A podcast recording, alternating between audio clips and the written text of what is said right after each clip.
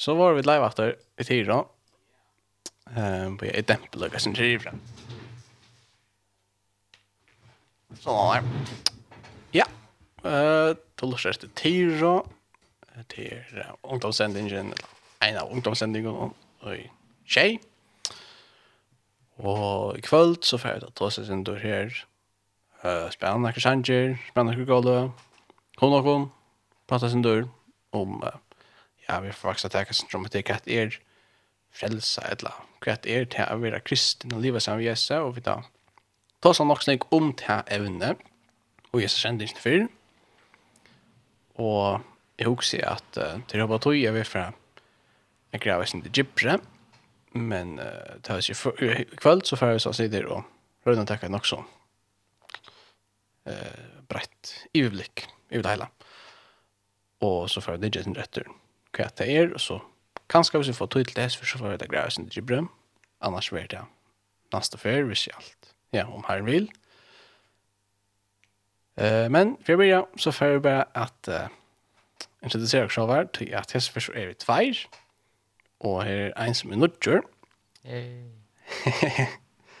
ja, så vi får Bjørn Gerstad, velkommen, det er bare derfor det er ikke fra mer, og vanlig den nesten.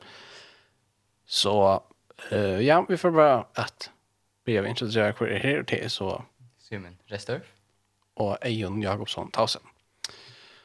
Ja, det har vært spennende i kveld. Vi får att passa sin sammen då. spille hon like. Jag har alltid, jag vill för bara börja vid att spela ett lä. Och därför är det här läge I'm Forgiven, John the Imperials. Thank.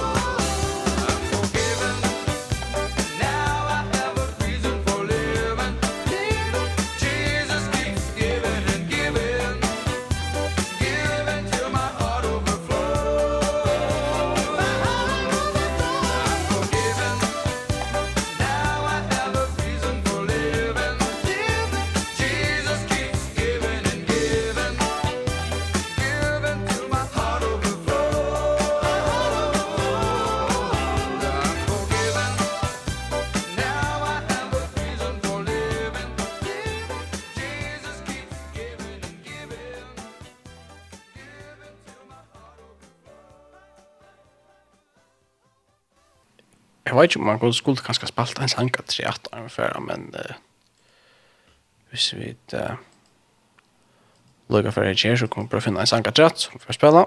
Eh det var några grejer. Så får vi ta det som nöjda att nå allt. Ehm så det skulle vara spännande i kväll.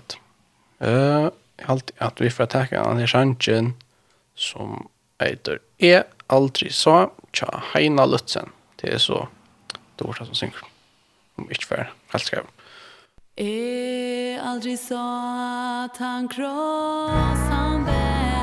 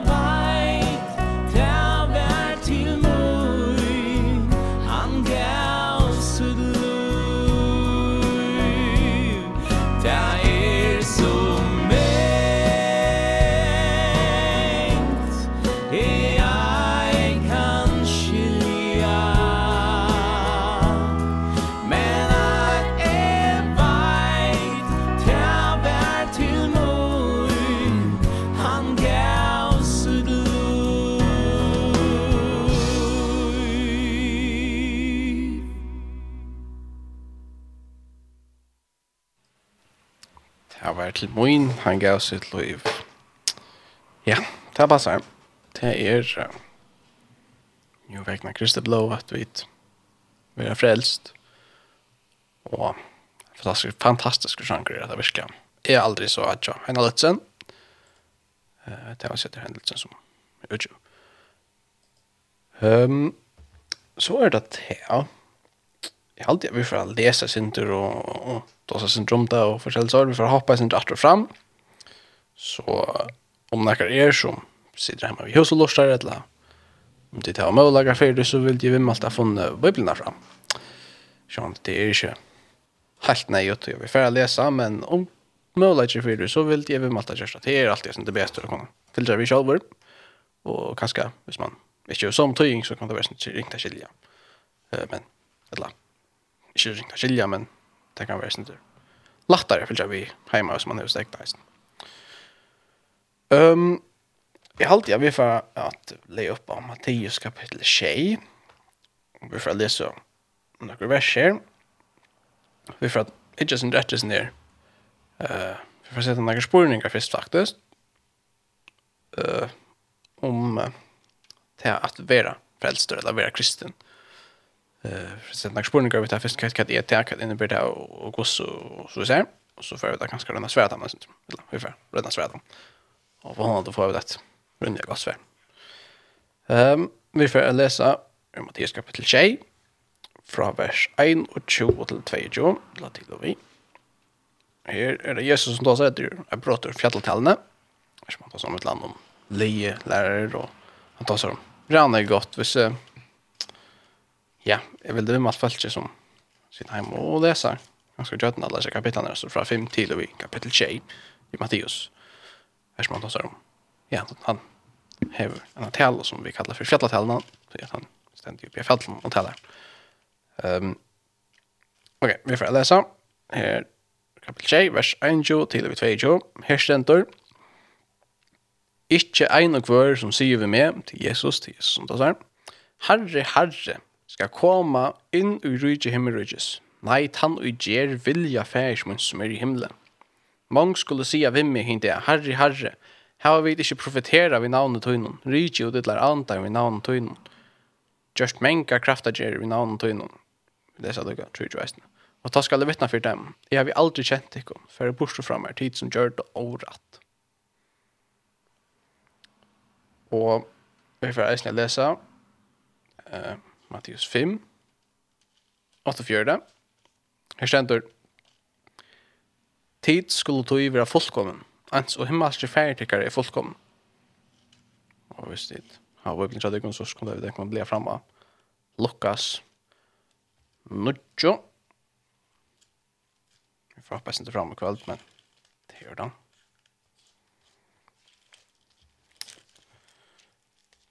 Det är att nu Jesus som tar sig. Lukas 23. Yes, og her stender. Og han sier vi atler. Vil onkur koma at han av mer, må han avnokta seg sjolvan og dagliga tak opp krossøyn og fylgja mer.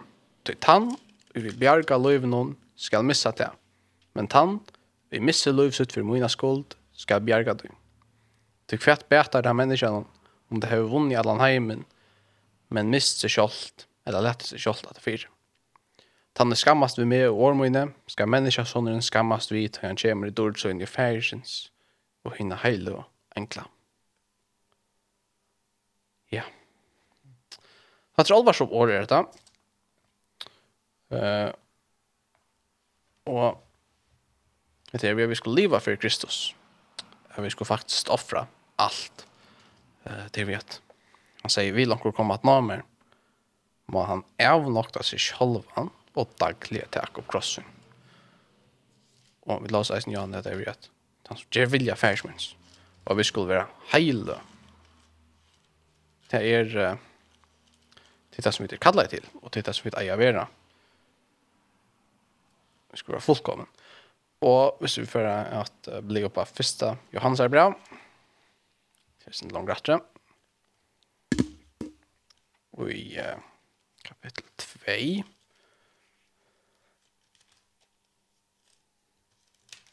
Fyra. Jo. Oh. för jag längta efter. Fyra Johannes Arbrau. Tvej.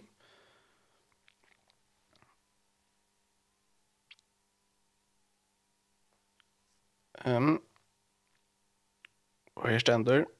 Vi får läsa av vers 3 4. Av tog vita vit at vi kjenner han, av at vi halda på hans herre. Han og sier, jeg kjenner han, altså Kristus, Jesus, og heldur ikkje bå hansara. Han er liknare, og i honom er sannleikin ikkje.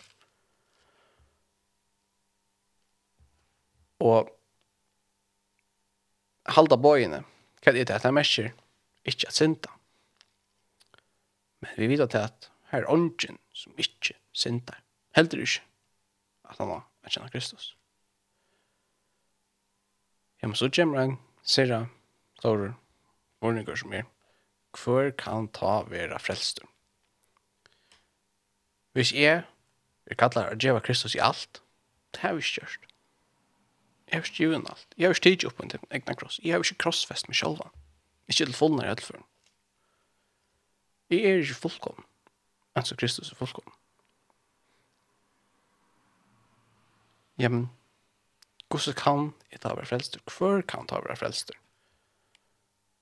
Og Det er en spurningur som vi kan sette om, men her finnes det svær. Og, og hette er det som vi kattler til at gjøre, at livet rett og være fullkomne, følge og. Um, men hva hendte så? Jo, men vi kiksa.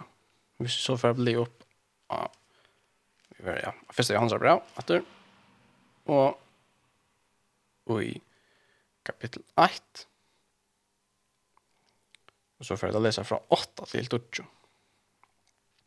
Her sin datter, sier vi at vi tar ikke synd, så darar vi dere selv, og sannleggen er ikke økom. Hvis vi sier at vi tar ikke synd, så likva vi det. Og hvis vi leser forstått jeg som sitter sammen, sier vi at vi tar ikke synd, så gjør vi et hand liknande år hans er ikke økom. Men, hvis vi leser vers 12, så sier han noe fantastisk, det kjenter, Jotta vid synder okkara er han, altså Jesus, trofastor og rattviser, så han fyrirgjever okkon syndinar og rensar okkon fra allar i årattvis. Det vil sija, ja, vi eier livet rett. Vi eier synd, vi eier ikke synda langt. Vi eier være fullkommen. Hvis vi ikke er fullkommen, Jesus sier at sin sannelig synd i det, hvis vi ikke er fullkommen enn for farsieren, så skulle det alls ikke være Jim Ridges. Men ikke akkurat hvordan det var det, men det er aldri fjallet til nesten. Her er om etterføren en parafras av detta så, så inte akkurat var det rätt, men um, det som poäng är att vi måste leva rätt. Vi måste fylla Kristus rätt. Men det kan jag inte. Vi läser att, att självt mitt bästa är som en skitplagg. Jag kan inte upp, uppnå frälsen. Det kan jag inte. Det är ogörligt. Jag har längst sedan kiksa och jag har ju omgång möjlighet för det mig men ta er da at Kristus kommer inn. Til jeg vet er jo fullkommen, i djøknon Kristus. Til er frelsan i djøknon Kristi blå. Blå Kristus er, rensar okko. Og så er man hatt som vi leser i gamle testamentet, om et syndofferne, som rensa syndene. Så rensa Kristus okko. Vi leser om en den kvita klanningen kvita klein som vi skal få fra Kristus, brorklein. Og i djøgnon han, i han som er blå er vi drein. Det vil si at om vi venter til han og be om fyrirgjøving og rensa, at han skal rensa to åker hjärsta i hans er blå. Så vera vi drein, så vera vi ja, så kan jeg si fullkommen. Ikke ui av oss men i Kristus. Hetta er i essensen om frelsan man kan komma vid ran ekon imenskon uh, döbon etla. Och så ser man förklaring om hur det fungerar. Eh uh, men det är inte akkurat så där viktigt hur det fungerar. Det som är viktigt är att det fungerar. Eh uh, man kan faktiskt inte och, och allt möjligt med här så några imiska förklaringar på allt det där och det är inte som vi vi alls för man kan ta dömen som till dömes atomer. Eh vi täcka vi tar varje andra imiska mindre och gosse det ser ut i praxis. Men samtidigt så vidare vet att det ser inte ordentligt så det ser ut. Men vi tar just upp några mynd för att göra det simplare så att vi skiljer det bättre. Och det kan brukas. Men hvis det inte hjälper det att skilja det så kan du akkurat det samma bara smita det väck. Samma hatt är det vi gosse fungerar. Frälsan. Hon fungerar. Det är det viktigaste. Og man kan bruka rævlig lenge tid på gosse greit gosse vi över den säger jag kanske blå och inte gamla testament och det lyssnar inte av planen och och men låt oss vara här ikväll. Ehm um, till till i jöknen Kristi blå är vi frälst. Han tvår och rein och nu har vi tid mot Jesus. Och om du inte har det så vill vi släcka det där. Han är mentor, så det är frian och han är mentor att för få där den fullkomna glädje. Du glädjen du är hem någon är hon är hon är ena spänt här nu i en liten stund och så kvar en natt. Men vi Kristus är när vi. Men vi får fokusera mest på ikväll eh uh, vad heter det förresten. Så må vi sjön lukka först här grunda leka det frälsan. Man kan för vi är. Och det är det här. Att jag kom Kristus blå är det som er en syndare, som er ofullkommen, og som er nok, er nok det god vi du som er gjerne. Jeg kan velge å bli en fyrtjøving, vende fra min synd, og i jøkken kjøst blå, hvor jeg regner, så jeg sier at jeg slipper til himmels, og jeg slipper sammen, virkelig jeg kan ha samfunnet vi han. Så kommer tansporningen, hvert så nu. Kanskje så, tror jeg at det er ikke, som, som jeg kanskje vil si, bare et ting ene før. Det er en avhaldende prosess, et samfunn av Kristus, det er at fylkja honom etter. Det er, det er å være kristen. Det er at være kristen, det er en livsavskvann, sier han. Og ja, absolutt. Det er Jeg fylgjer Kristus. Et liv sammen med Jon. Og det at vi fylgjer honom, det er hendan prosessen til å være kristen. En etterfylgjere Kristus. Det er det som det året vi brukt, brukt til alle mine oppsøkningsøvn, en etterfylgjere Kristus. Uh, ta er heite brøtta sin du senast nå, um, med landa så som et folk kallar anker kan vara en bättre kristen än en vi till att här snarare uppför sig bättre än någon annan men då har vi då ett sånt eh uh, rätt hejte kvart en kristen är det. Så kan någon som inte tror på Kristus vara en bättre kristen än någon som tror på Kristus så ta er meningen i åren nu veck Det kan sig bruka det till länge. Och det mest i stotton en efterföljare Kristus så måste jag inte vara Kristus. Jeg halte i att arvet för alla du gjør, vi så får jag veta spänn sank att först eh ta ver så.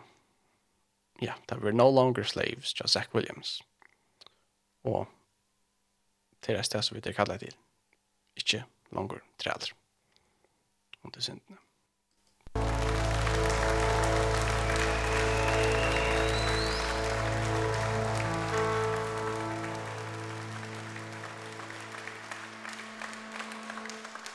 I'm no longer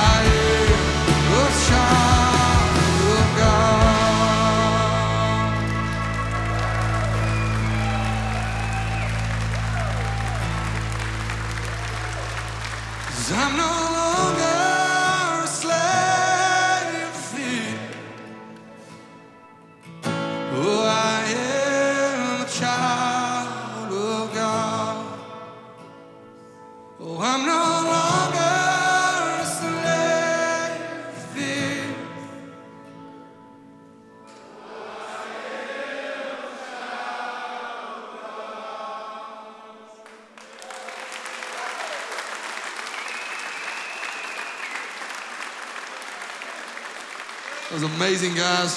Thank you all. Ja, Eh, uh, at det var No Longer Slaves, tja, Zach Williams. Og vi da finner jeg en sms på inn her. Jeg stender, hei Eion, takk for gåa sending. Og hei, du har spalt noen sang, tja, John Reddick. Jo, men, ja, skal vi først gjøre. Uh, Og vi har også valgt dere You Keep Hope Alive. Det er en rullelig kjent sang til honom. Jeg mener at han sang han der oppe. Vi løp med tøyt her. Jeg har alltid bestemt. Uh, det var så sangren You Keep Hope Alive til John Reddick.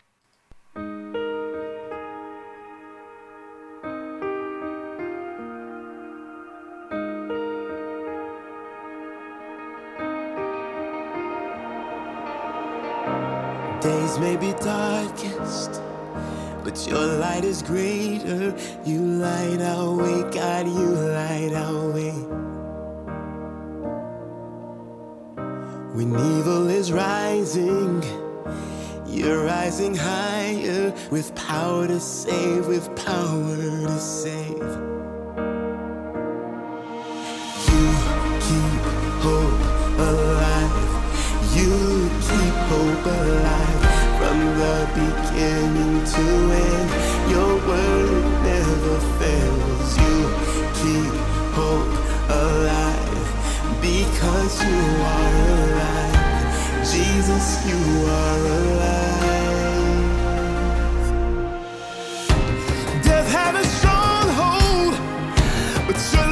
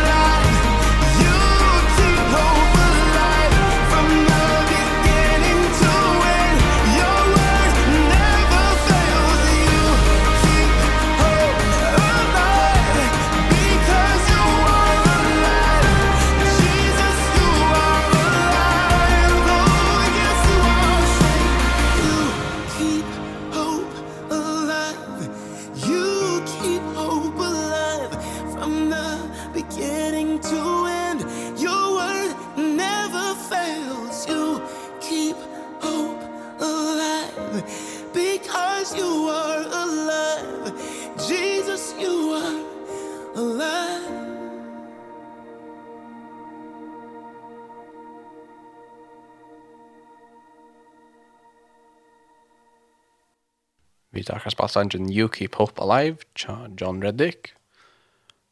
Uh, ja, han tror resten vil ha sangen. Um, som sagt så er det velkomna sin Lars Henshin, tjej alt rush, tjej fjers, tjej fjers, sangen tjej etla okkur spurning, etla okkurst, avhørst, etla etla etla etla katt, katt, katt enda så er.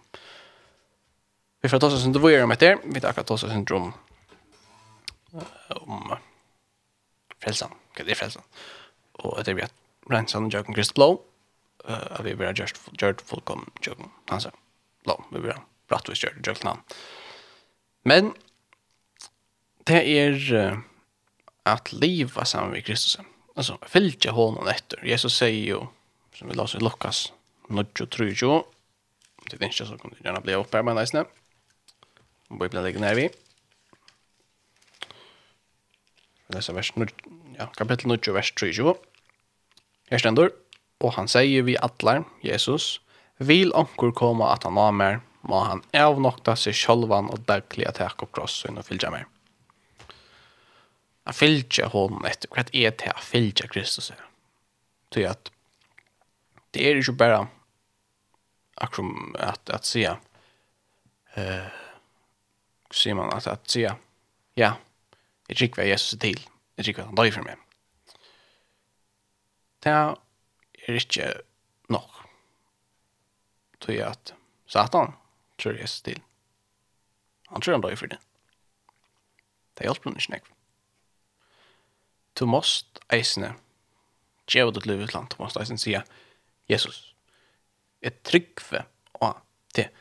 Et ord tryggve til bønner meg ikke helt feil, men uh, jeg mener bestemt at det er pistet seg ikke. Lugger meg ikke, ikke tenker meg för det här vi kommer ganska fidget efter som inte alls det är alltså grekiska men ta ordet det betyder det vi att att sätta sina vån av Kristus. Eh att att ståla på han vi vet alltså som trust att stävna efter med landa att stävna efter Kristus. Och att vi må ge vakra liv till han. Hvis vi tidsjetter en øyde kjent om verset i Rambrannon 19-20 Varsågod, touch nudge. Ja. Og her stendur, Tøy om to vi munnen og jottar Jesus som kafnega som herra, og trust og hjertan av god resten opp fra en deg, så skal du være frelster. Om to vi munnen og jottar Jesus som herra, så skal du være frelster, og, og trust og hjertan av god resten fra en deg. Det er ikke bare tvei, til trygg, og at jotta Jesus som Herre. Og gjør vi det ikke til Ja, så er vi ikke frelst. Ok, så vi får ta oss litt om hva det innebærer at det er Jesus som Herre sin liv. Jag syns att det är nu. Men uh, om det blir upp av Matteus kapittel 6 og vers 13 og 14 så får vi lese det. Här ständer. Jag vet inte vad det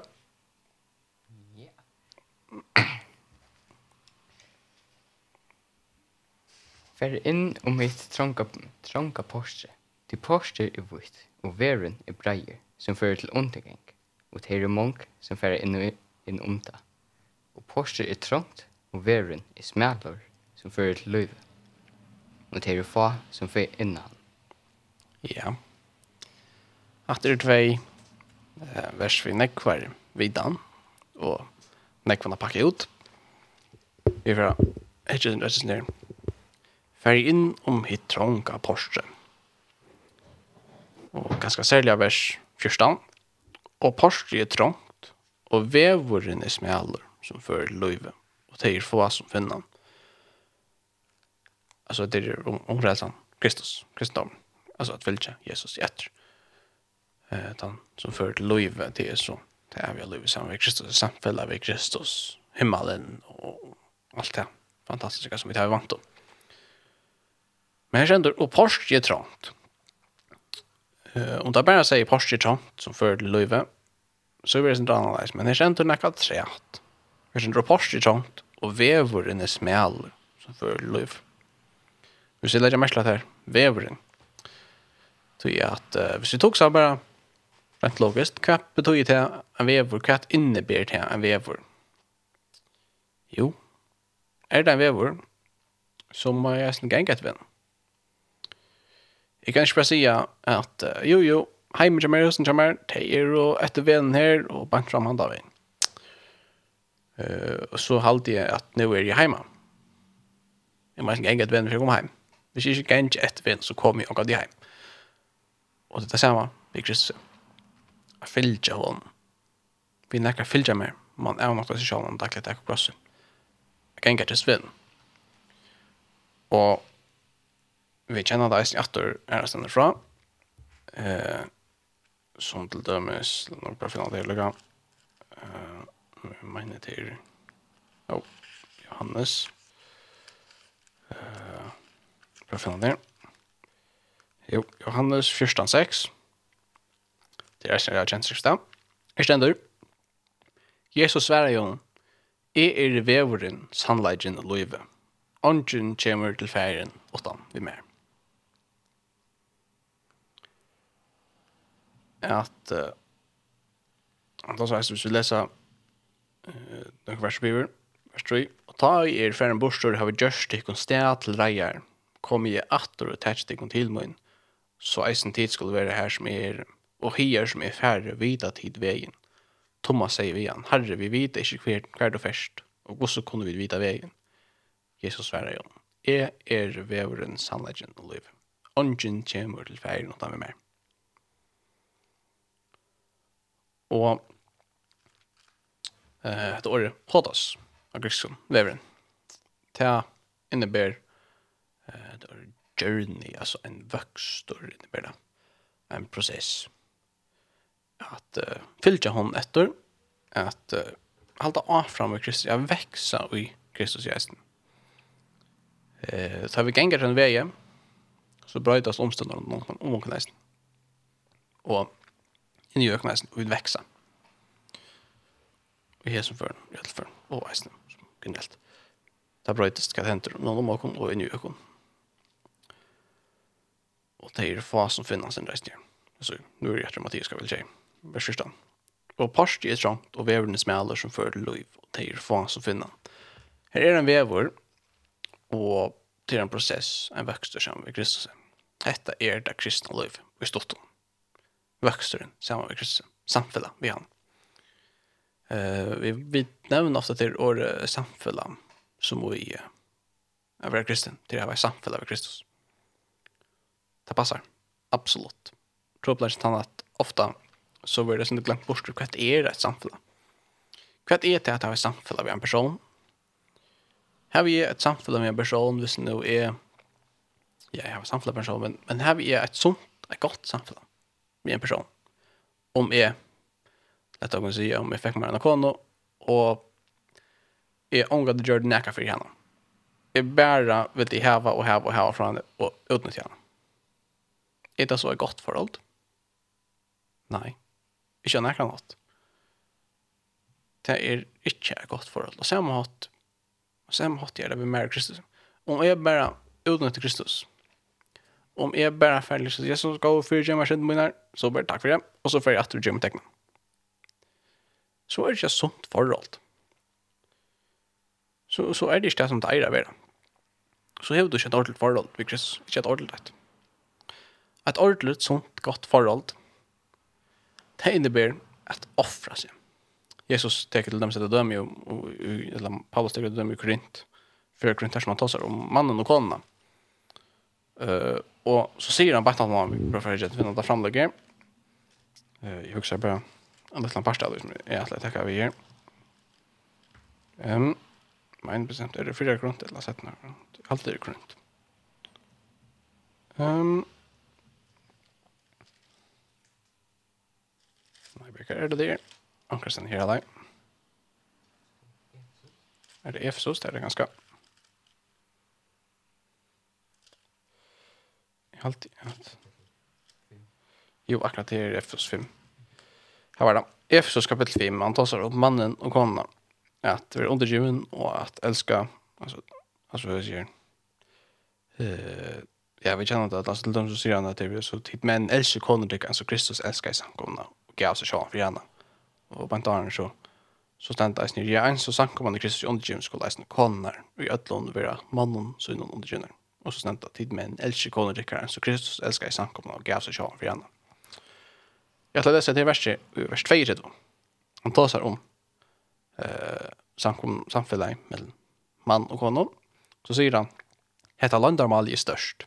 Det er Kristus samkomna vi hugs om vi Jesu. At vi vi tar det nära sån från att att uh, samfundet med man och kvinna är en ojämnt på samfundet med mig och Kristus. Och med samkomna och Kristus. Det är en ojämnt och på det. Och och det tog jag att, att det ska vara på en bestämd måta. Och det innebär kärlek. Samfundet innebär kärlek. Och kärlek, vad är kärlek? I sista ändan. Det är att offra at offra seg sjåan. Vi kan takka døme, hva er den største kærleikken som er til? Hva er kærleikken? God er kærleikken. Hva er den største kærleikken nærkant? Det er da Kristus hekka krossen og døy for meg og for det. Det er sjolver kærleikken. Kristus døy for meg og det. At i han elskar jeg kom fyrst, det kunne vi taska. Hetta er kærleikken at offra seg for noen annan Og ta i vidt kallet av kærleik til Kristus elskar han atter, så innebærer det offra. Jeg skal offra meg for ham. Det er det som Jesus sier, Lukas, Nudjo Drudjo, vil nekker komme at han har med, og han er nok til seg selv, og daglig at hekko krossen at Offra. Offra for ham. Det er det som vi kallet til. Og, og, og, hvis vi leser Matteus 6, 4, 20, nu, etter vi er i fjallet så stendte Jesus oss her, Ongen kan tjena tveimån herren, til annan kvart heter en annan og elskar annan, eller heldur han seg til annan og vanvir annan, til kun ikkje tjena gode og mamman. Vi eier tjena Kristus. Vi eier av reka heimen. Uh, mammon, pengar, vir, sier han, at vi eier at offra derfra. Ikke så at vi ikke kunne bruka pengar, men det er ikke det som tas om. Det som tas om er kærleikin til pengar. Lät inte tævra driv meg inn i Jakob. Lät inte heimen självan vera driv meg inn i Jakob men Kristus. At offra nekka fyrir han. Et förhåll, ett samfällan, gånger bor vei. Kristus offrar sig fyrir meg. Nu skal jeg offra meg för han. Er kristen? Det som det betyr, er jeg har valt att fylgja Jesus. Jeg har Jesus har valt att följa. Nu skal jeg offra honom. Alt. Alt mitt liv vil jeg nu göra til. Og Det er det som er veveren innebærer. Porsche og veveren er genga sammen med. Kristus. Det er en prosess som börjar för at du blir frälst och hon häller av fram alt akkurat liv. Varsågod. Vi kan tacka et døme. Och kjölsfalk. Det er rævlig godt døme på et det Og vi kunde lære helt, helt, helt av fätliga nekv. Uh, om uh, Ørsjøsfeldt. Um, jeg har alltid lukket for, for å lukke å lese noen sms på som er fra oss som om Um, jeg har skrivet, jeg. Skriver, jeg vil godt å høre til til glede gjørst dere. Eh, spiller dere This Blood vi Carmen, og Jesus sikker til dere, vi får spille den sangen, jeg snømmer alt dette, men vi får lukke å lese til. Verset først til å skrive, ja. PS, lese Galatia brevet 5, 22 til 23. Så vi får lukka lese det først, så får jeg finne. Sanger fram. Tja, Carmen.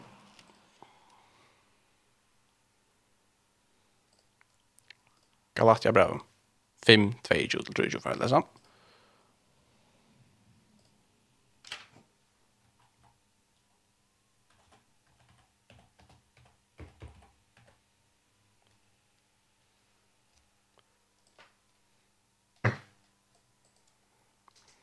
Ja, men du håndar fram her, og du leser det. Det var 22 til 25. Her sender til 23. 23. Eh, men avvokster andans er kærleitje, gleie, frier, lenkmo, mildleitje, gøska, trofest, spekføre, frahalt. Møte slukum er loven ikke. Ja, amen. At det er akkurat det. Vi som kærlegan avvokster andans. Avvokster andans. Da vi fyllt det vis, da vi da tids maten, så har vi finner hele andan. Og jeg kom. Og det er ikke akkurat det samme som nøye gavner, men få hele andan. Og ta kommer som kærleik til at jeg har ikke kærleiken i meg selv, jeg kan ikke elske, jeg har ikke, jeg har ikke den egenleiken at elska andre som Kristus jeg kan ikke ha en agape kærleik, så blir det sånn. Jeg er simpelthen, jeg har vi ikke tar en leik en rymmer. Og, og det står jo at, at det er beste som jeg kan gjøre er sitt plagg. Men Kristus, det er ikke morgen, så får jeg hele andan, og avvokster andans i kærleik. Lengt må, middelleik, og det er ikke rett. Um, men, vi får spille This Blood til Carmen, det er et helt så fantastisk, jeg, jeg, jeg vet ikke hva man kan lære, det er ikke å lage men, men ja, fantastisk, vi får spørre det. This Blood til Carmen. Carmen.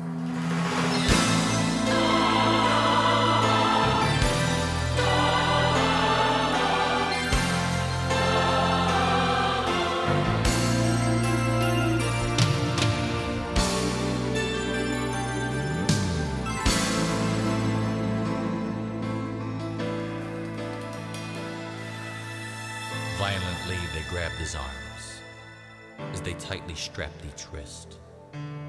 With the hellish looks that a strong-armed soldier, whip clenched in his fist. Laced with chips of bone, they beat him hard, from his shoulders to his feet. And it sliced right through his olive skin, just like razors through a sheet. Countless times the blood splattered, as each inhuman lash was given. Several times his knees gave as his flesh just hung like ribbons. Then surprisingly, he turned his head, though the words he used were few. The soldier's face turned pale when he said, This blood is for you.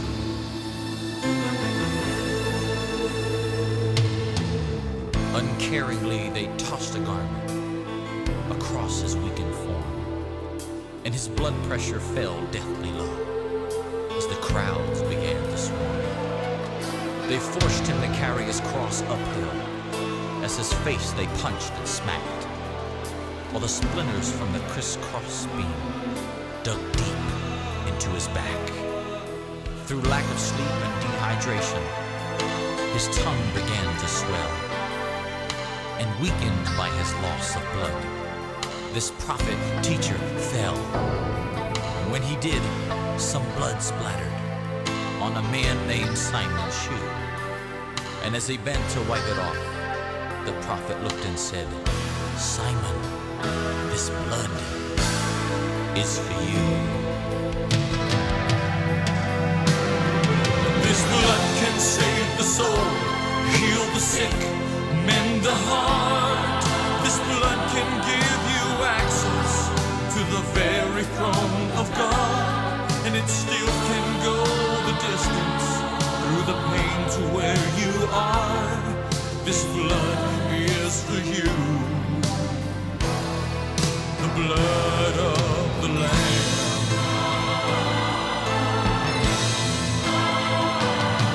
Then they pounded a spike through the bones in his wrists Bursting arteries and veins and as they dropped the cross in the hole they dug his body convulsed with pain through an agony and torment that never a soul shall find. He tilts his face towards heaven with full control of his mind with more love than any human heard before that time or since. He made a statement that to this day makes the strongest skeptic hands He cried Father God forgive them for they know not what they do. And as he gave his life for those lost in sin He was saying this blood is for you. And this blood can save the soul Heal the sick mend the heart. the very throne of God and it still can go the distance through the pain to where you are. This blood is for you. If you're lost and alone and your mind is confused this blood is for you. If you feel like you have been hurt and abused this blood is for you. The atoning cleansing blood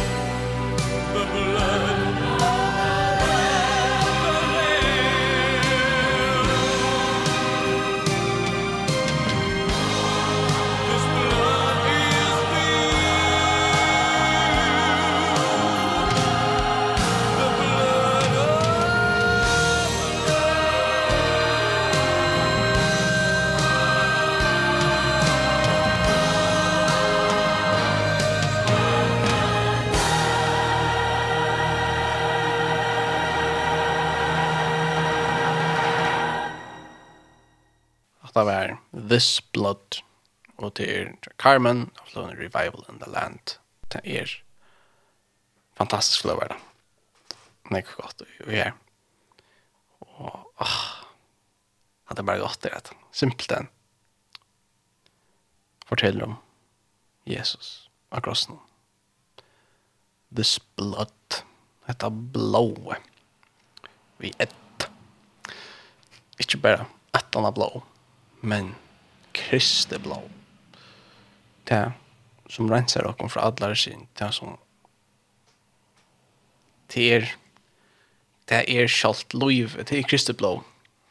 Han er Ljøs Hemsens, han er loiv. Han er kjalt veren til Kristus, til færen. Han er alt i ödlun. Och han så var han och Åh, det är godt. Fantastiskt. Um, vi nevnte Ushels vel til Jan. Och så också man ganska äh, uh, attartalnar och uh, alla måsböcknar och uh, det är så drutt.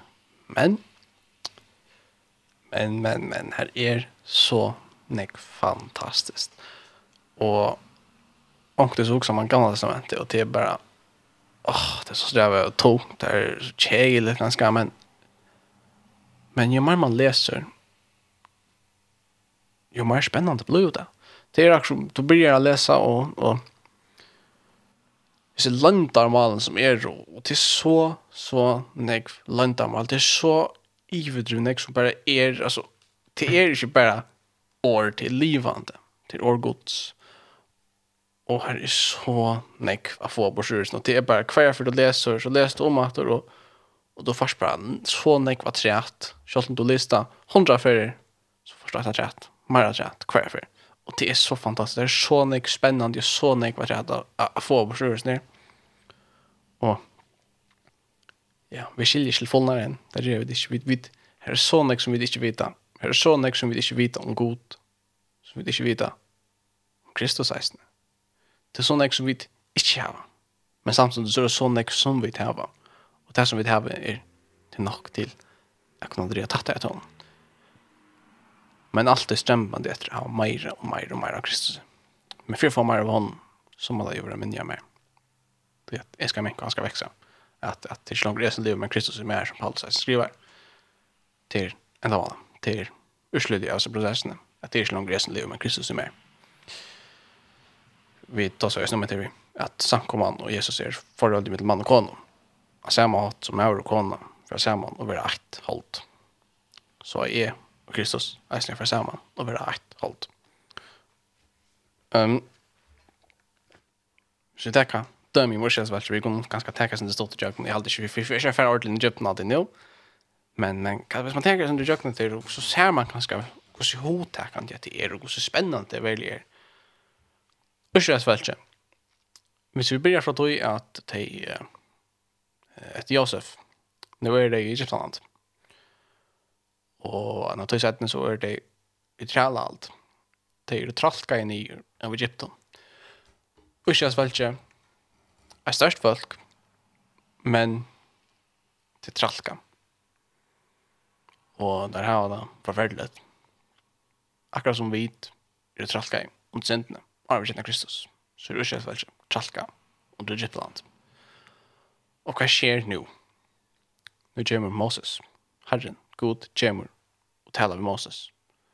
Moses vil kjente av fria Ikke velge.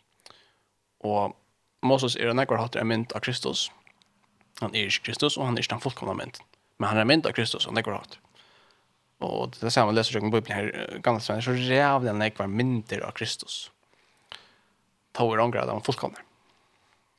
Då gör det allt människa. Och jag är allt människa, men jag syns som kroppar armar och förskällt annat. Det är allt mindre alla ställen, men det är ångra fullkomna, det här är ångra själva Kristus. Men det är mindre. Och i sista enda så kiksa det. Men Moses, han är inte mindre Kristus. Han kommer, luskas fältje. Alltså jag har först, för han kommer luskas fältje. Tvärför. Först för, så vill han, han vill borser, vet du, vilja. Falt ikke tek smadron.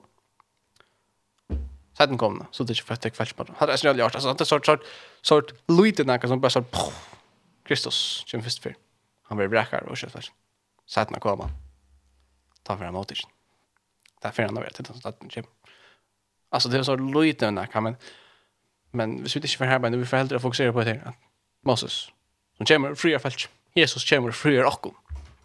Utur Egyptland og ta færa til Reihavet. Og han kommer til å men Moses, leier i kjøkkenen, Jesus leier i kjøkkenen, rei havet, kjøkkenen havet, dobbelt, vi kommer inn i, og sine mørkene, sinne. De er frelst, de er frelst undan Egyptland. De er fri, de er ikke langer bonden under degen. Det er vi Men hva nå? var hatt av det, og sier god som sover, hatt av det, Nå får jeg fra deg natter. Eller, nå får jeg ikke hjelp deg mer. Hatt av det, livet. Nei. Det var ikke fullgjørst den. Det var ikke, det var ikke, det var ikke livet. Verste var ikke livet den. Hva hender nå? Jo, nå får jeg deg en gang. Tjekk nøy mest. Det er ikke kommet til å love i land igjen. Det var enda mål jeg få det inn til å love i land. Ok, vet du. Eit av enda mål. Hva hendte så? Nå ble det genka. Og det genka, og så kom han deg. Jeg synes ikke jeg var sånn, men nå knapp jeg en trobladj. Her har ikke med atur. Og hva skjer du? Falkje enkrar at jeg får. De innskja seg atter til Egyptaland. Falkje sier vi vilja færa atter og och och vill läsa sen för oss på att det sitta og grata om Egyptland. Det vill läsa på åter til Egyptland. Här som det heter mät, här som det konto gera det som det vill og och allt det der som som bär för att finna det här fram. Det kan för oss. Det är så brått där. Ehm Jag vet inte om vi har det. Stanna. Det är ska mitt och allt det där. Ehm. Mm. Ja, jeg tror også det er snimt da. Jeg ser det at det er lett å kan velge og kan forme og vende til Driftland. Så jeg ser det er flere feriene da. Det er til flere, flere feriene av feriene at jeg ikke vende atter. Um, men, ah, ja, fattelig. Jeg vet ikke akkurat hva det er.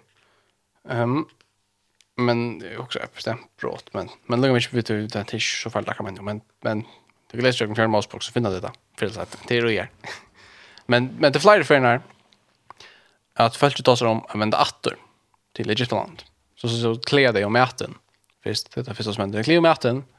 Och vad gör? Vad gör? God gör dem manna. Med att regnande ur himlen. Och fint. Okej. Okay. Folk gör.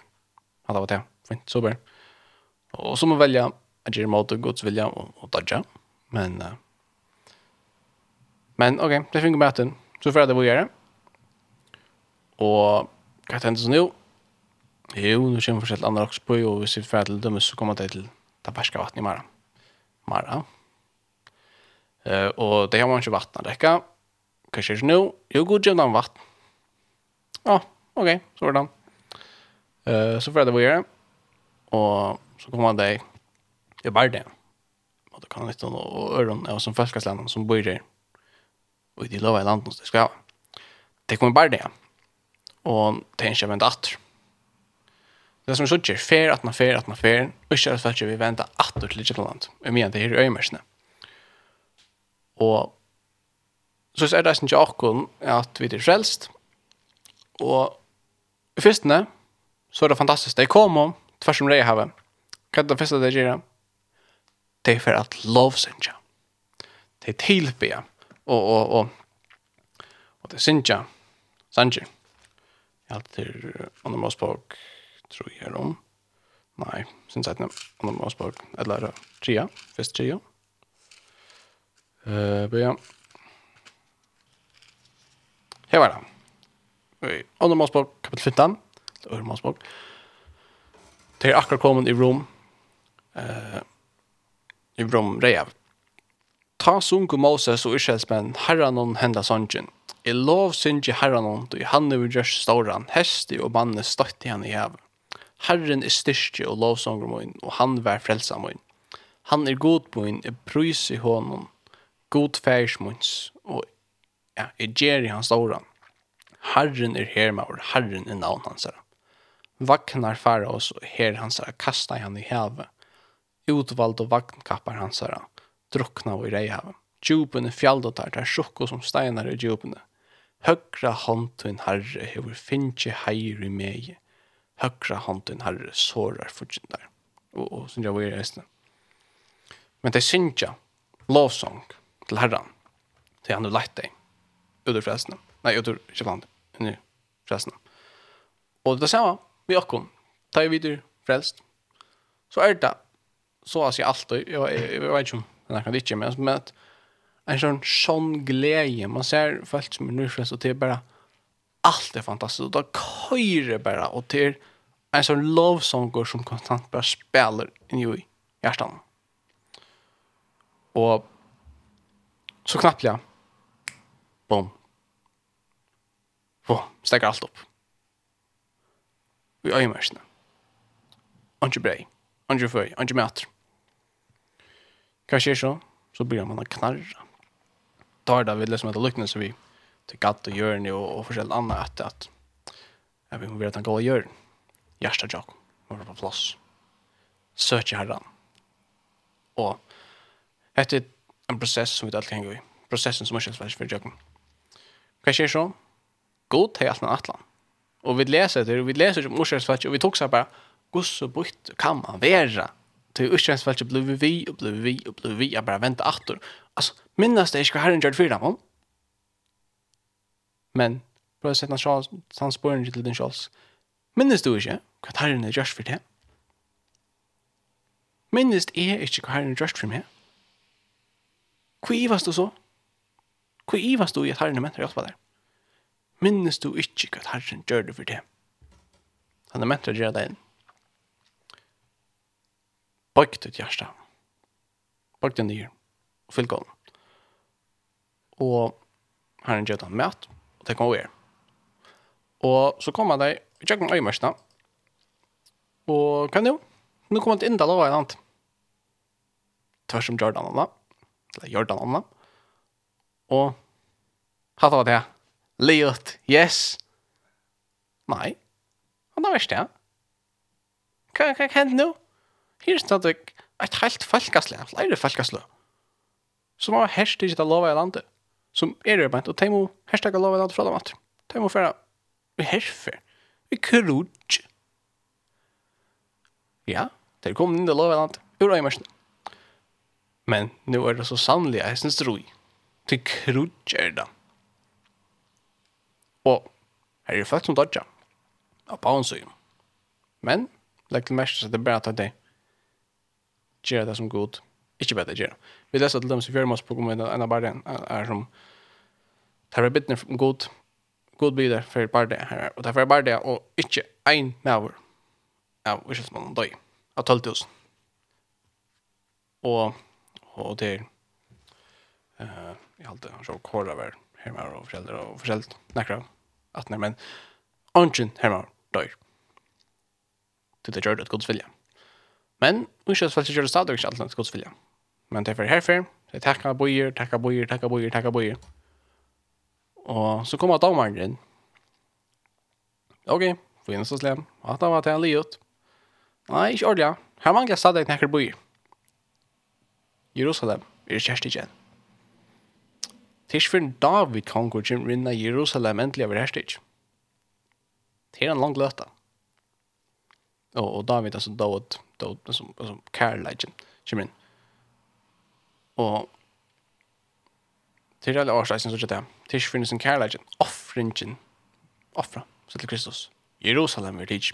Jerusalem som er høvestavren, hjertla, kjolt, viljen, altså, tronan, konga, set, eller, eller, altså, konga set, eller kalla det hva du vil, det er egoet, det som styrer ut i løyve. David kommer inn, og nå knappt, ja, Templet blir byggt. Åh, oh, hatt av at det Og det er fantastisk. Og, og herrens nervera er alla samtidig konstant i templet nå. Og, og det er simpelt hen så fantastiskt å sutja. Og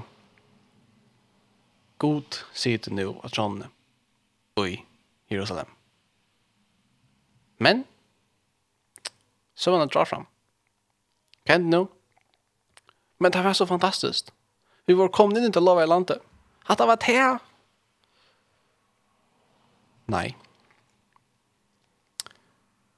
Vi leser kjøk kongabøkene. bøkene. Jeg skal kan komme inn. Han gjør det ikke et vilja gods. Og kongene var korrupter. Det ble bare verre og verre og verre og verre og verre og verre og verre alle samtidig. Konga sete var korrupteret viljen, egoje, kom inn at Åh, jeg er dette ganger vel. Wow, det er fantastisk. Det er godt, godt, godt jeg har gjørst. Hikk alt det som jeg har klarer. Hikk hos rettvis det er. Hikk hvordan gåver det er. Hikk hvordan ryk vi det er. Ryk det er. Ursel. Vi må ansette til Jesus. Jesus sier selv ansette til sørdags lærer, sørdags farsierne. Jeg gikk mer. Wow. Ha. Jeg går kom inn. Og hva tente? Israel fall. Babylon kommer og hersker Israel. Ta lov i landet. Følger vi til ikke borster. Men vi var så her. Og det er vekk. Riven i et annet land, Babylon. Forvirringsnævren, Babylon. Babel betyr forvirringer. Babel. Alltså bara förvirringar. Alltså, alltså inte kylig. Det här som, som, som Babelstan har byggt. Malen och blå. Kjellsontor. Förvirringar kommer i. Det betyder förvirringar. Babelstaden. Babelsland. Och folk är utläggt. Och sen måste det hända vi också nästan. Jag går och kommer in. Och nu knappt jag. Hå, vad? Hva får alt dette? Det gamla. Det er brente for herren. Det er alt vært så godt. Nå er det bare forvirring. Jeg vet ikke hva skjer. Til torst. Strave og i trælig atter under. Ja, under syndene. Hva skjer her? Herren straffa jeg. Herren dømte. Og så kunde man også Nå er det utviklet. Det var det. Det er livet slutt. Men, så kommer akkurat nok inn hvis vi får lese sorgarsjansene. Hette er akkurat da, at den ødeleggende. Sorgarsjansene, kapittel 3, vers 1. Men hetta skal jeg ledja mer av hjärsta, og tøy skal jeg våna. Det er nøye herrans at det er ikke ute vi okkur. Hon er ikke oppe enn. Hon er nudj kvann morgon, stor er sjufeste tøyn. Herren er loder mun, sier sjal mun, tøy våni er han. Herren er teimon gåon, gåor som boi etter honom, tøy sval er søkjer han. Det er godt at ein boi er stittler etter frelse og herran. Vånen er ikke ut igjen. Hva tente? Jo, herren tåg en er leipt, av falskene, og leide det atter til Ursel Så lov jeg land. Nøkker folk for. Nøkker, ikke ødel. Det var ikke ødel som var atter. Og det var det lov jeg falsk. Det var det. Og, men ødel får ikke vi til Ursel Vi leser eisen om at det er vi at um, og, og, og, og, og, og, Ehm det har sagt något. Ja, fyra grint. Troi. Eh, om ett grundarläge som er Kristus, frälsan. Paul skriver, Etter til nøye gods i mer given har vi som viser, ja, tje grunn dødj. Etter til nøye gods i mer given har vi som viser byggemestare lagt grunnene, og annar bygger men ein og hver sørger til hvordan han bygger ära grund kan då ungen lägga en hänna i lagt er till Jesus Kristus. Men om näkar av hela grund bygger vi godle silver och stein om trä i hodje holme. Så skal komme at suttje gosse versk ens og kvars er, dæveren skal vise det, då han vil oppenbera vår i elde, og gosse versk ens og kvars er skal eldren røyna. Vire versk jo enn utbygt av grundna standande skal han få løn, men vire versk ens kvars brent opp skal han missa henne, sjolver skal han ta vare frelste, men så jøgn eld. Som å våre norskjøsvelk men det får ikke vi etter til at det var land. Det var en utvalgt leib som får atter. Men, her som valgte for atter. Men, de koma til Lovai land. Hva hendte nå? De koma til Jerusalem. Men alt er ui fyllom. Alt er knussunder. Og en parsa av fælsen og måte og vender atter til Babylon en pastor venter atter til Babylon. Men, som er halvt av fram, og hva skjer nå? Det er for alltid å bygge. Og det er bygge tempelet. Um, men, så stekker det å bygge tempelet. Det er bygge først tempelet. Det skulle det bygge først. For herren, vinkte jeg vite at de skulle bygge tempelet først. Hos herrens. Og det bygge til, og alt kom godt. Men så knapp jeg, så stekker det å bygge tempelet, det bygge bygge tempelet forskjellig annet fyrst. Og så knappelig kommer valg noe. Det er enda gale. Men, nå får jeg det atter å bygge tempelet vi gjør. Og så drikker jeg det atter. Og det bygger tempelet, det er settende tempelet. Og hvis vi teker til først, hvis vi lykker, kanskje jeg teker på punkt A, nå tilbake litt rett til det, men ta lov i landet. Det kommer inn i noe som er såntor, såra, fylla såntor, knust. Og samme hatt er det vi akkom. Det er fylgje Jesus, det er for alle min vi Kristus, jeg fylgje hon etter. Det er leie til et sunt og såra knust liv. Det gjør det. Men, nær vi det herrens være. Alla stannar. Under kvarjon stein. Nær vi det herrens dvöljande, dvöljande nær vi det herrens være. Og så säger det som Jakob, Om vi får alla min vi så er det en dvöljande nær vi det herrens som er. Men, Det bygde av templet. Det har sett noe tempel. Og til eldst da, vi det som det, det er gråt av det så da. Så det var så eimøyjant. Det var så lydet, det var så gjøtt i mån til det fyrre templet. Dorten av de fyrre templene kom de ikke sammen med til det sette tempel. Men, de unge, de prysene for dem. Det var glede for dem. Og vi lærer nekka av oss det. Det er hva var, hva var årsøkjen til det første fallet eller fattelig atter til Babylon. Jeg går hjem. Jeg går her. Hva mangler jeg? Eimjuk gledj. Tempelet, det sedna tempelet, var eimjukt. Jerusalem ble mykt. Vi var eimjukt, vi var kjent ut i Babylon. Kvui, for jeg lærer nekka. At eimjukt just. Jesus sier selv i fjallatalen, Mattias kapitel 5, Han sier han, det første som han sier i fjallatalen. Hva er det? til? Jo, han sier, han letta opp munnen, lærde der og sier, Sel er og hinne fatek og i anda, til rujtje himmel og sitt herra. Fatek og i anda, hva betyr det? Jeg var fatek i anda, det er også som det fyrir reisende, det er eimujtjan. Å være eimjuk, Han kunde göra örnåren sagt, säl är och hinne Å være vara i anta. Anten er ego. Anta. Det er ego. Det er det samme året som vi har brukt om, om Holy Spirit, alltså Hallig Andan. Men det är som förnörda vi Luttlån, och det är i anta, og i min egna anta. I min egna mig, i min egna ego. Egna ego. Och i den i andan. Det er som ett i ego at luite ego. Eimu i klej. Eimu i klej. Sel er og hine eimu ego. Tui rujtje himmerujtje tarra. Herren vil det lære oss at svelge nekka. En eimu i jan, som vi bæra kunne lære i tjøkkenes utlegna til Babylon. Afer, for enda forvirringen, og så venda atter.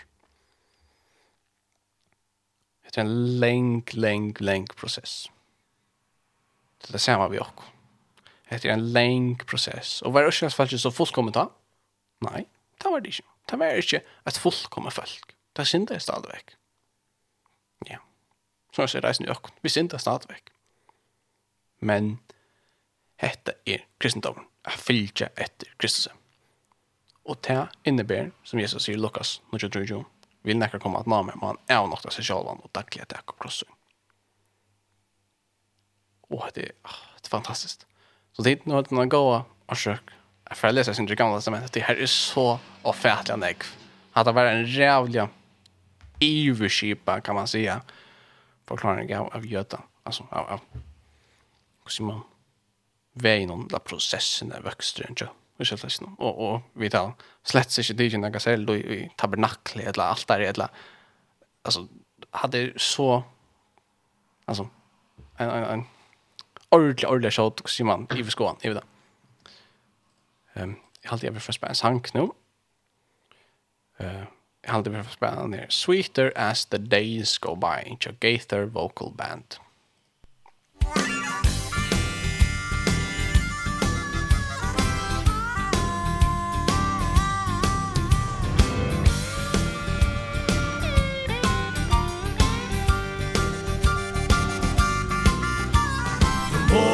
trust him. The more I love him Nothing good for me he'll deny. The longer I know him The better I can show him. I couldn't stop now if I tried. Oh, it gets sweeter As the days go by. It gets sweeter As the moments fly. richer deeper fuller sweeter sweeter sweeter sweeter as the days go by.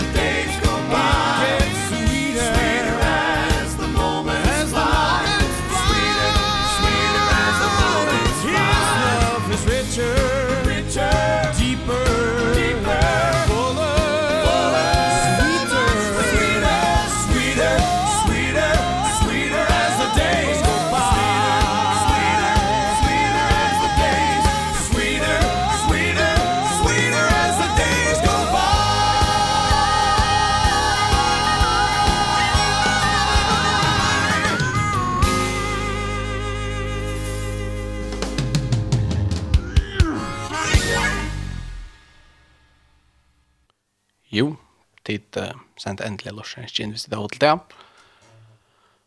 Um, vi tar akkurat spalt sangen Sweeter as the days go by. Og det er deisene. Han sier kærleidje. eller kærleidje han sier. Kjørst. Søtere og søtere. Så vi og vi. Og så er deisene vi du kristna løvnån. Vi får et tattar, et tattar samfunnet vi igjen. Vi gjør alle disse prosessene. Det er som morskjøsveldt alla dessa processerna som växter som vi Kristus kvar för så får ett ett djupare samfund av Herren. Och vi får allan vägen in. Vi har Det är så fantastiskt. Det är så mycket landamal som är oj gamla testamentet och i Bibeln som helt att det är ah det är så spännande det här är så så mycket vad då som åt vad alltså vi downloadar flera hundra år om vad som då i vet när och så ska se man kan ju så uppsummera då. Så hon är hundra år av och så bara så han servern kan hela folkas lever upp utväst. Jag kanske det lika den nästa. Det blir ju till. Men åh, oh, fantastiskt. det är så spännande. Men det är ett liv vi Kristus. Och ett samfund där gång bor vi. Er den er det vi kærleggene som offrar for Kristus. Og eh, jeg halte ikke vi fra byrja på jeg, jeg halte ikke fra byrja på han ikke mer i kveld. Det er ikke noen andre det halte ikke men ja, det er ikke så reale ikke langt rett. Vi får si til det, skal ha langt til meg rett, så jeg råkte vidt, jeg vil ikke mer tannlegger og sånn nå, men men vi må lukke tekkene ikke tilninger mye arm vi för att ända. Eller arm vi för att ända. Till ävne som vi tar oss om kväll.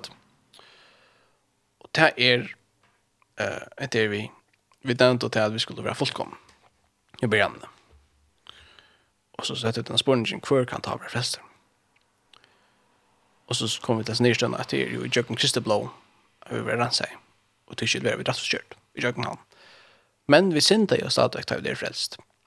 Um, Kvitt kvart kvart så. Kvart kvart sker så. Eh, jo, vi tar ju kvar för vi synda så är vi där vänta att till Kristus på en fyrgivning. Eisen tar vi det först. Eh, det är ju bara I think ena för. Men det är alla sånt innan. Börja kvant där vi fyrgivning. Nu gör miskunn. Nu gör nej. Jag vill John. Jesus ger oss en nej, en nej krafterna. Fylgjer hon etter. Det är ju hans krafter vi klarar fylgjer hon. Det är klarar ju sig med själva. Det kommer ju ett liv nere för honom Det klarer ikke. Men, vilje min, jeg vil gjøre det, ikke det. Og om jeg tar trikve, så er han mentor at bruka meg. Vi leser det dømme om i Marskos, uh, Nå her om plus minus, om Kristian her alene. Vi Skal mitt i Marskos alltid til. Um, vi leser det dømme. Altså, uh, jo, Nudjo? Jo, akkurat. Marcus Nudjo, så smitt i vers, ja, uh, 20 år. Men, jag vill säga mig att uh, alltså det är vi att uh, fylltja och nätter og det er Jesus som ger arbeid av lugan, så känner Jeg offrer meg bare for han. jeg, jeg, jeg ber han hjälpa mig vid min jeg lägen jag fylltja og han hjelper meg. Uh, det er då som är så processerna en vøkster i Kristus. Alla dina djävulen och mer och mer och mer och mer. Så så det så kör inte längre som livet, men Kristus är mer. Ehm um, Kvart så tar vi snav. Um, jeg jag vi får lese lite grann først, Marskos. Uh, Marskos, uh, vi leser fra vers 1 men uh, lucka det kan samman inte ner. Det är en mavor som er en son som er rakt i ett land. Och lärarsvänner har rent jeg finner ikke fungera et eller annet ut, men ta får det ikke. Og så kommer det med til Jesus, og så sier han etter. Jesus, Jesus spurte noe feir, han sier han. Hvordan landet hever hun vita så vi, han sverre i, fra til han var bad. Mengan hever han kastet han vei i eld, altså, ut i anden, og vatten til å gjøre enda av honom. Men ers til neka mentor som miskunn okkon og hjelp okkon. Jesus sier vi igjen, om vi er mentor, alt er honom mødelt som tror. At jeg lars, han svir han, vi leser henne som spyr, så sier det, hina som spyr Jesus om han gröning så säger det om du vilt Harry om du vilt så kan du och är snär spyr om du kanst? Så gör det men Jesus säger så att han svär och sen så så om vi är mentor jag syns så så om vi kan mm. alltså självande kan han det allt är honom öl som tror alltså om vi kan hjälpa honom självande kan ni hjälpa honom och så svär han på färden vi tar samma röpte färgbansens är tryggve hjelp vantrygg mine. Og Jesus grødde sånn. At det er så fantastisk det da, og at det hjelper mer øyne, ta i man strøyest. Ta i man ikke klarer å gjøre alt, så bare sier jeg, jeg trygg, hjelp vantrygg mine. Hjelp meg å trygg. Hjelp meg å gjøre mitt alt til din. Jeg har ikke engang viljan, Jesus. Jeg kan sige, Jeg gjør det alt, trefst og trobult. Jeg vil gjøre det alt. Jeg vil vilje at gjøre det alt. Jesus, hjelp meg. Bare en sånn lytle nørsten. Herren sletter ikke den minste nørsten. Bare den minste nørsten er lakk til å sette eld i en hennes sko. Og da bare er det pikkeløyte. En pikke, pikkeløyte, altså en smoldering ember. Altså en, en, åh, det er nesten utdett men bare bara hatta pekkelhutla som longest efter herran att för att åt landa bare hjelp meg, og han hjelper, og han för detta jeg bruker til några störst ehm um, og i sin döm da vi kiksa. Vi kiksa. Det gjør vi att allt og jeg gjør det gale, men hatta var inte det var ikke ute vi kom så vi tar sommarskjölsfältet Det gjør det gale. Det var sendt at til Babylon. Gjersta til dem. Altså, jeg går i reis opp soppatr. Men det er ikke til nøye herren, så det er ikke utvikling. Det var ikke ligget den. At det var ikke funnet. Hatt av det, og så gav herren opp på felt? Nei, han bjerger dem. At samme hatt bjerger han nok natter om vid einans vända vid land. Det gör det falskt. Det bakt oss ner. Det bo och det gråt. By the rivers of Babylon. Är det en sank. Och då sägs ni med det. Och, och det är samma. Att lägga sig ner. Bia. Och ta ska herren vända öra och höra. Och etter det som vi kallar til, hva er vi kiksa? Vi kan tacka det dömi om Peter den förutom vattnet. Vi har tacka, jag tacka, jag tar snart om det.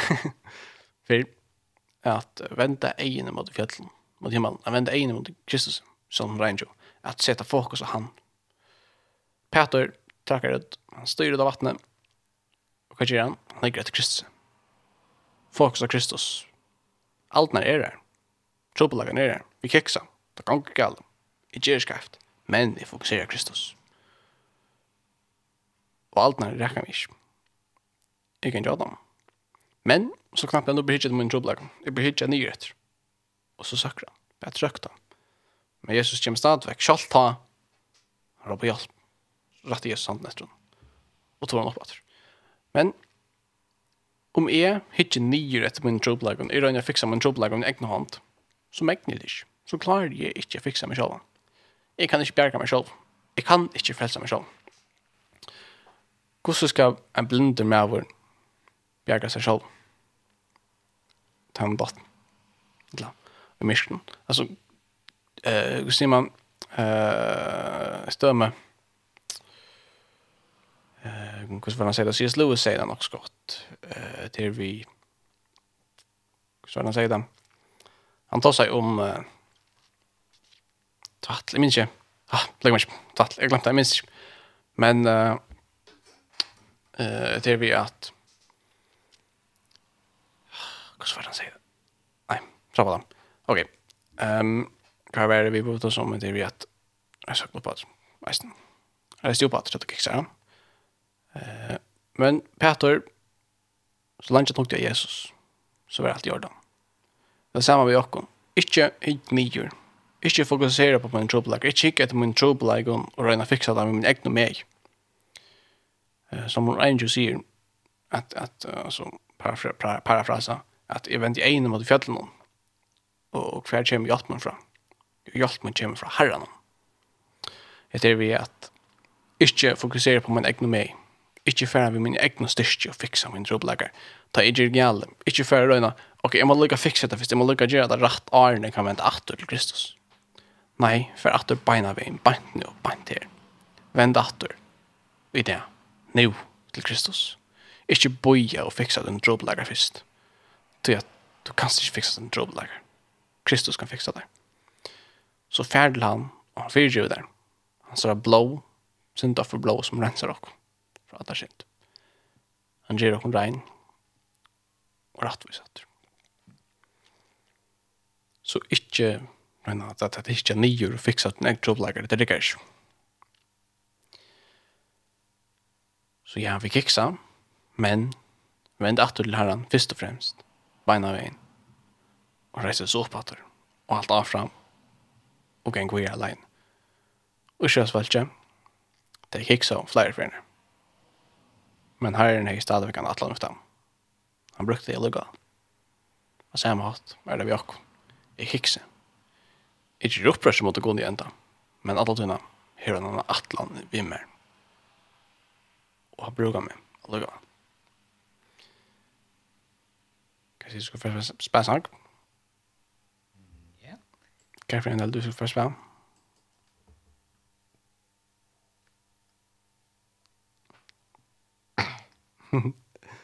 För det här. Men det? Yes. Ordan. Vi får spela Why Me Tja, Chris Kristoffersson.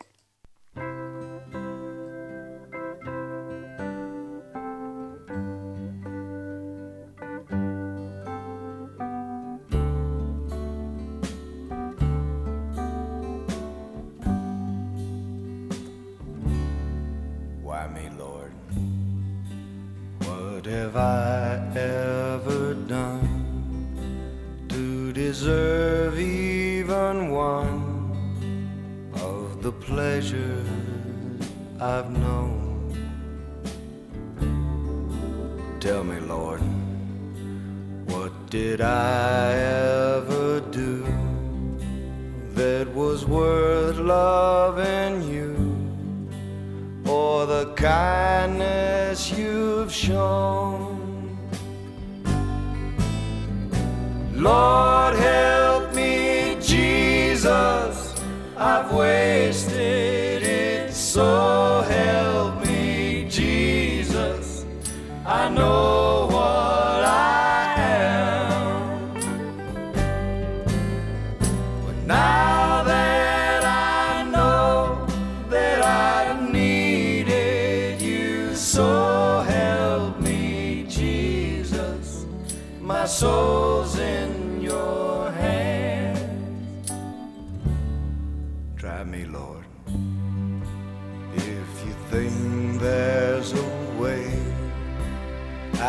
try to repay all I've taken from you. Maybe Lord I can show someone else what I've been through myself on my way back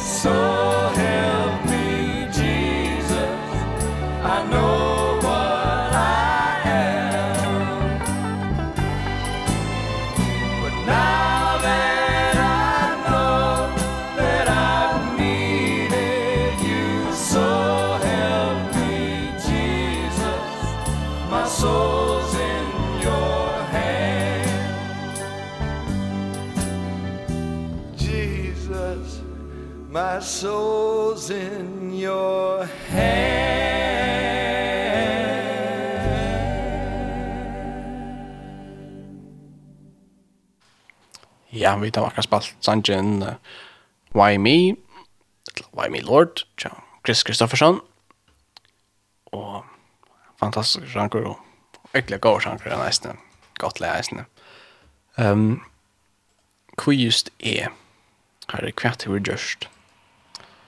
Altså, hvor med, hvor brukar du med her, og til sin siden, altså det er at, jeg er jo ikke meg selv hvordan ber det til at Herren har valgt å bruke meg. Fantastisk, men vi tar finne en lorsan kjenner. Og det er da. Og her er jo som sier, «God kvöld og godt nødkjør. Vet vi er spiller med Sanchin, nøkse med vi selve og tørrøtter Johansen. Takk for det, og ser navn. Ja. Det er så Selma og Tor Johansen, vi sannsyn om dagtsum.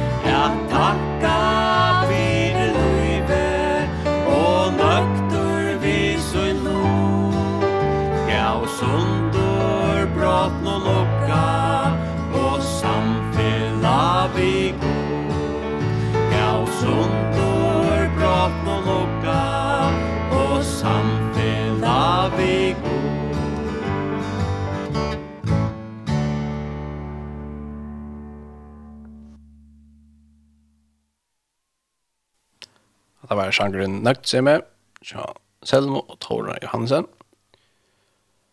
Um, så er det til, nu får jeg vidt. Så vi er jo i spekla norskast enda nå, vi tar en 20 minutter etter. Så jeg får ikke bare så det er jeg bare trett nå i kvöld. Om det er ro, så kan man sende norskast kina tjent, så vi nå kan skal spela norskast kina tjent.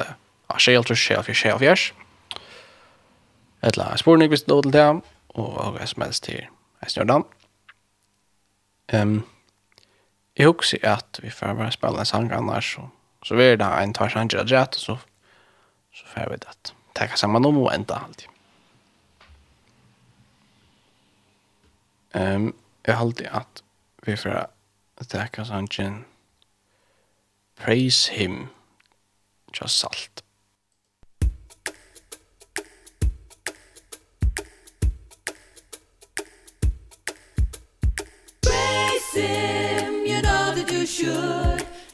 everything is working together for good.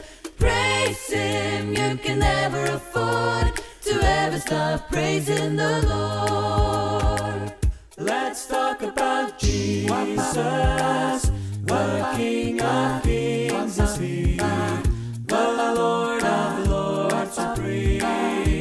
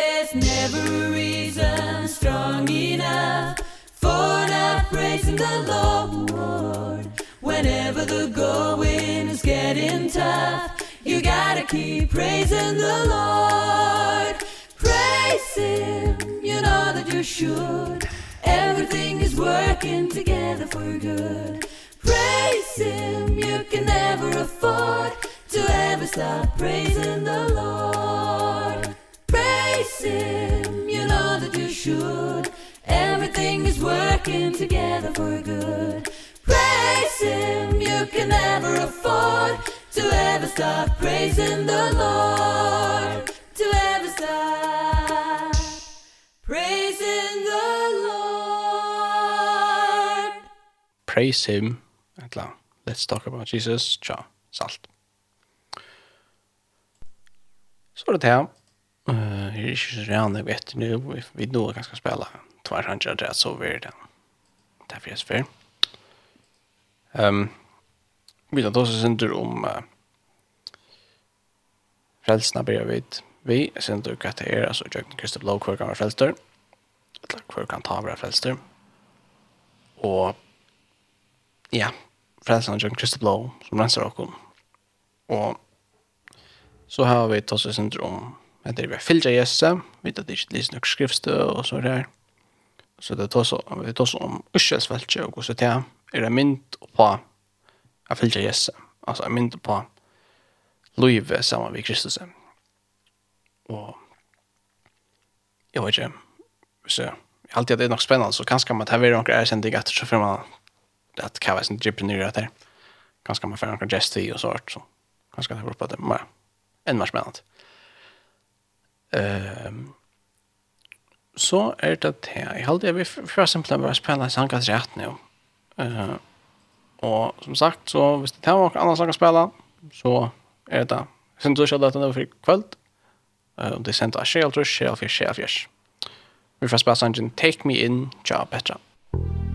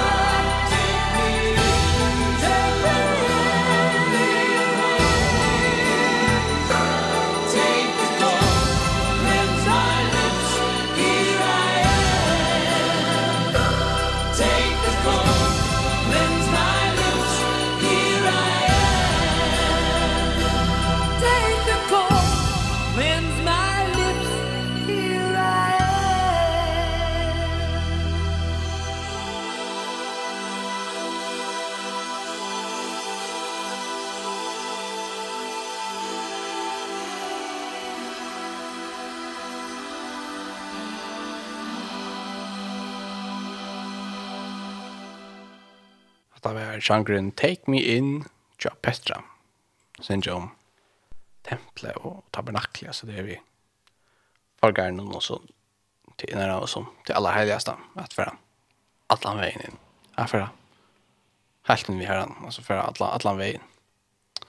Jeg har hadde sett en kjending, jeg slutt også om det tabernaklet og så er det.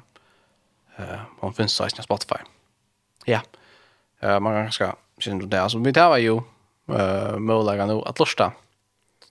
Eh, alltså, inte bara live, men sånt. Vi har en sändning här nu, ja. Det är bara, om inte det är helt fel så blir det bara fortsatt det här. Ja, tror i femtiden här om. Tror till fem, cirka. Eh, om inte det är helt fel. Annars så har vi ett eisen tandmöjliga att man kan lusta av Spotify nu. Og eisen er hvis de færre av tjej.fo, og enten er det noen som kommer dit leita tjej.fo, og og så et som er det sendinger i av det overst i høyre hjørne. Og så kunne de leita av Tyra, og så finna de sendingene til åkne. Det er ikke alle kommer ut den, men her er jo nok snakk hva som er her. Og av Spotify er snitt dit. Searcha, og så leita her, og så leita dit Tyra. Uh, Ungdomssending. Åh. Oh. Prøv å finne der. Det er det vi har her. Ja, hva er det? Hon har som stendte en podcast där. Eh, hvis det bara lite tid så poppar en uh, playlist som kommer fram. Men eh uh, ja, här er det så jag Uh, Men här kan man lyssna så det är nog inn in i allt sälja till Spotify den kan downloadas hvis man nu premium nog skal inn i alt det här va. Så kan man lyssna när som helst och hvis man så kör Spotify så kan man nästan lyssna tjej.fo sånt. Så vi tvärar att enda vi en bøn, og så får jeg da takke for Jesus. Gå og god, takk deg for kveld til her, og det er en idé. Takk for møvleggene samlas der, og takk Jesus for alt det som du gjør for oss. Vi ber deg om at, ja, du måst, ja, du måst uh, lette oss lære noe av det som vi har sagt i kveld, og at du måst, hjelpe oss at liva, etter det er eisen at liva, tattar at her Jesus, at djeva til her meira av okkur sjálfun, at fylgja at her etter Jesus, det er bygget jo om hjálpa okkur at det er undergiven Jesus, at at tjena til her Jesus, det er bygget jo om. Takk deg for alt, og vil du vi nå, vi er i kvelden nå, og denne morgen, og fikken som kommer reisende, hjelpe oss ikke at at bara djeva der, sånn det er enn, eller bara ein dag, men allan dagen, de dagen och kvar vik och allt och alla liv Jesus i tunnar under det bit ju. Jesu namn. Amen. Så får vi att uh, spela Sanjen Alive och det blir så Hillsong Young and Free spel för kon. Det är den den sången som vi har valt ända vi. Kvar för så ja, tack för oss för vi tar oss och om två veckor väl det så skulle vi då leva åter om här vill.